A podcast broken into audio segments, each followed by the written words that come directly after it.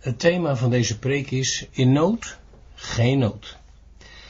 Vooraf lezen we het gedeelte zoals het opgetekend staat in 1 Koningin 17 van 1 tot vers 16. Toen zeide de Tisbiet Elia uit Tisbe in Gilead tot koning Agab, zo waar de Heere de God van Israël leeft, in wiens dienst ik sta, er zal deze jaren geen dauw of regen zijn, tenzij dan op mijn woord. Daarna kwam het woord des Heeren tot hem, ga van hier, wend u oostwaarts en verberg u bij de beek Krit, die in de Jordaan uitmondt. Gij kunt uit de beek drinken en ik heb de raven geboden u daarvan spijzen te voorzien. Daarop ging hij heen en deed naar het woord des Heren. De profeet ging verblijf houden bij de beek Krit die in de Jordaan uitmondt. De raven brachten hem s'morgens brood en vlees en s'avonds ook brood en vlees en hij dronk uit de beek. Maar na verloop van tijd droogde de beek uit omdat er geen regen in het land gevallen was. Toen kwam het woord des Heren tot hem, maak u gereed, ga naar Sarfat, dat aan Sidon hoort, en houd daar verblijf. Zie, ik heb daar een weduwe geboden voor u te zorgen. Daarop maakte hij zich gereed en ging naar Sarfat. Toen hij bij de stadspoort kwam, zie, daar was een weduwe bezig hout te sprokkelen. Hij zei tegen haar, haal toch een, in een kruik een beetje water voor mij, dat ik kan drinken. Toen ze het ging halen, riep hij haar na en zei, breng mij ook een stukje brood mee. Daarop zei ze, zo waar de Heere uw God leeft, ik heb geen broodkoek, maar enkel een handvol meel in de pot en een beetje olie in de kruik. En zie, ik ben bezig een paar stukken hout te sprokkelen. Dan wil ik het thuis voor mij en mijn zoon gaan klaarmaken en als wij het gegeten hebben, moeten wij maar sterven. Maar Elia zei tot haar, vrees niet, ga het thuis klaarmaken zoals je gezegd hebt. Maar maak voor mij daarvan eerst een kleine koek en breng mij die hier. Voor u en uw zoon kunt u het later klaarmaken. Want, zo zegt de Heere, de God van Israël, het meel in de pot zal niet opraken en de olie in de kruik zal niet ontbreken tot op de dag, waarop de Heere regen op de aardbodem geven zal. Daarop ging ze heen en deed zoals Elia gezegd had, en een tijd lang at zij evenals hij en haar huis. Het meel in de pot raakte niet op en de olie in de kruik ontbrak niet, naar het woord des Heren, dat hij door de dienst van Elia gesproken had. Het thema van deze boodschap is in nood, geen nood. Dit doen we dan aan de hand van de tekst in 1 Koningen 17 vers 14. Daar staat, want zo zegt de Heere, de God van Israël, het meel in de pot zal niet opraken en de olie in de kruik zal niet ontbreken tot op de dag waarop de Heere regen op de aardbodem geven zal. De achtergrond van deze geschiedenis uh, is dat het niet goed ging in Israël. Koning Agab, die 22 jaar regeerde, was met een heidense vrouw getrouwd. Hij diende ook haar afgod Baal en ook de moedergodin Asherah. Agabs godsdienst met honderden valse profeten overheerste de dienst van Yahweh, de God van Israël. De profeet Elia, dat betekent Yahweh is God, lag met de koning overhoop. En hij moest profeteren dat het in drie jaar niet zou regenen. Dit is een ramp voor de oogst. Waar moeten de mensen van eten als het niet regent, als er geen oogst is? Maar er is meer. Gods profeten werden gedood en Elia moest vluchten voor zijn leven. In Agabs tijd was een hele generatie opgegroeid die nooit anders gehoord en gezien had hoe het niet moest. Ze wisten niet beter. Israël was geestelijk misschien nog nooit zo diep gezonken. Er gebeurden dingen die niet door de beugel konden. Dan gaat God ook op een bijzondere manier handelen. Geen regen betekent droogte. Er was een grote hongersnood in het land. en Elia moest zich bij de beek Krit verbergen. Daar zou hij door de raven gevoed worden die hem eten zouden brengen. Hebt u zoiets wel eens gehoord? Is dat normaal? Nee. Maar kan het? Jazeker. Er is een verhaal van een moeder. Haar volwassen zoon was stervende. Het was in de jaren van grote armoede in Nederland.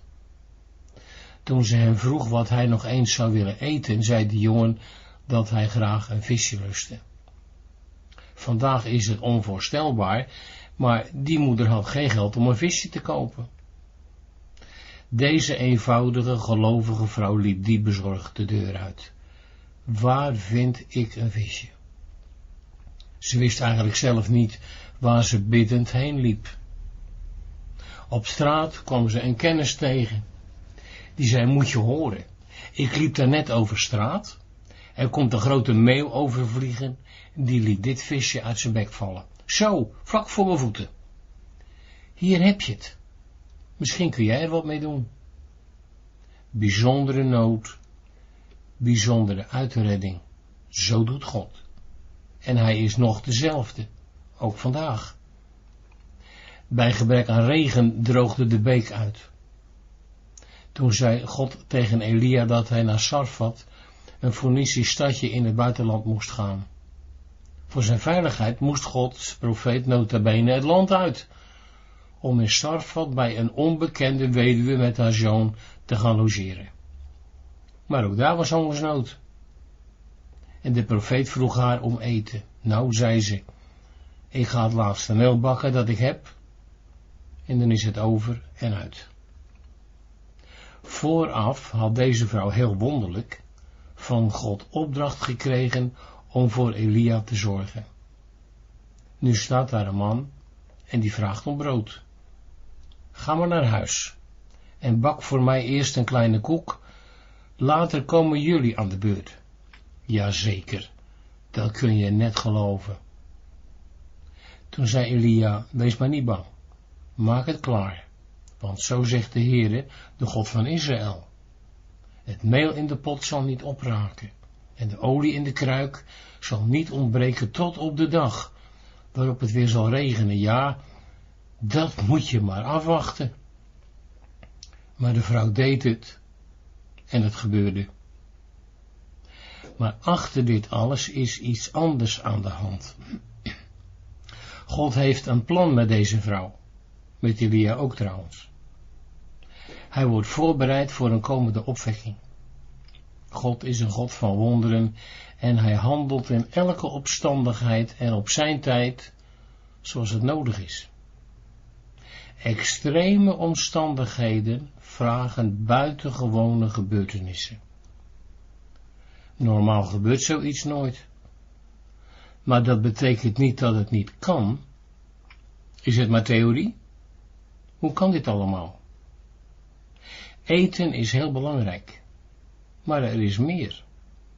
Gods handelen gaat uit boven het geven van zegen op ons werk. Een voorbeeld is Gods handelen in het leven van de weduwe en ook van Elia. Toen er weer brood op de plank was, werd haar zoon ziek en stierf. De vrouw zag dit als een straf en Elia kreeg de wind van voren. Ben je daarom bij mij gekomen? Om mijn geweten op te schudden voor wat ik gedaan heb? Wat had ze gedaan?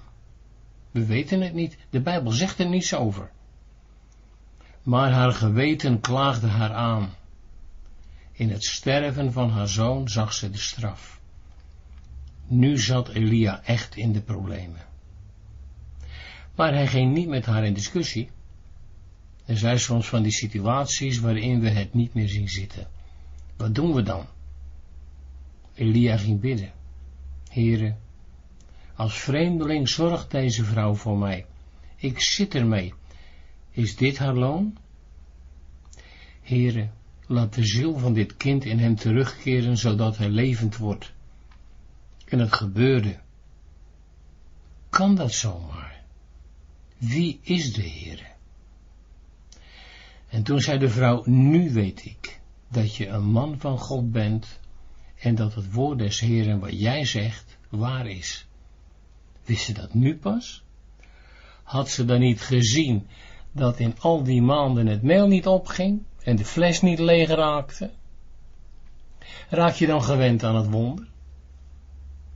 Is er dan nog meer nodig om overtuigd te raken van wie God is? Zeven eeuwen hierna herinnerde de Heer Jezus de mensen in de synagoge in Nazareth aan deze geschiedenis. Er waren toen ook veel weduwen in Israël, maar God zond Elia naar een weduwe buiten Israël. In die tijd van Agab, 700 jaar eerder, kon God zijn boodschap niet kwijt aan Israël. Israël was het weer helemaal vergeten. Dit volk kende zijn eigen geschiedenis niet. Toen Jezus tot hen sprak, gebeurde hetzelfde. Ze geloofden hem niet. Ze hadden zo'n rijke geschiedenis. Wat gebeurde er bijvoorbeeld bij Elia toen het vuur uit de hemel viel en God het offer op het altaar verteerde? Toen Israël tot God terugkeerde. Toen riepen ze het in koor, de Heere, die is God. Toen wisten ze het ineens weer. Nu, zoveel eeuwen later, was er weer mis. Opnieuw dachten ze dat ze het allemaal wel wisten. Ze hadden de Torah, dat is de wet, de tien geboden, de Mishnah, de Midrash, de Babylonische Talmud en die van Jeruzalem. En toch waren ze het weer kwijt. God dienen? Ja, natuurlijk. Maar op de manier zoals zij dachten dat het moest. Eigentijds, relevant maar het was niet getoetst aan Gods normen. Kunnen wij er iets uit leren? Hoe doen wij het vandaag? Kan ons dienen van God de toets van Gods woord doorstaan? Het lied zingt, Hij is dezelfde nu, bij Hem is geen verandering, Hij is dezelfde nu. Wat toen daar kon, kan vandaag ook hier in uw situatie, in de mijne. Het gaat erom of we God op zijn woord geloven. De weduwe van Sarfat leert ons een les. In nood? Geen nood. Is het dan allemaal zo makkelijk? Nee. Wat dan? Vertrouw op God, ook als je het niet begrijpt. Hij zorgt niet alleen voor de oogst, voor de dingen van alle dag. God gaat veel verder. Hij geeft ver daarbovenuit.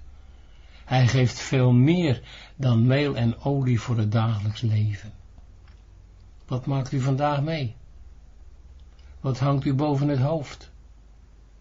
God geeft niet alles wat wij begeren, maar hij zorgt dat we krijgen wat we nodig hebben. En daar hebben we nogal eens een meningsverschil over met hem. Vertrouwen we hem?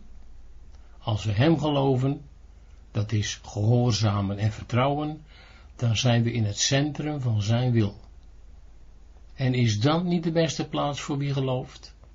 Dan kunnen en mogen we danken voor wat hij heeft gegeven en wat hij gaat geven. In nood? Geen nood. Hij is dezelfde nu.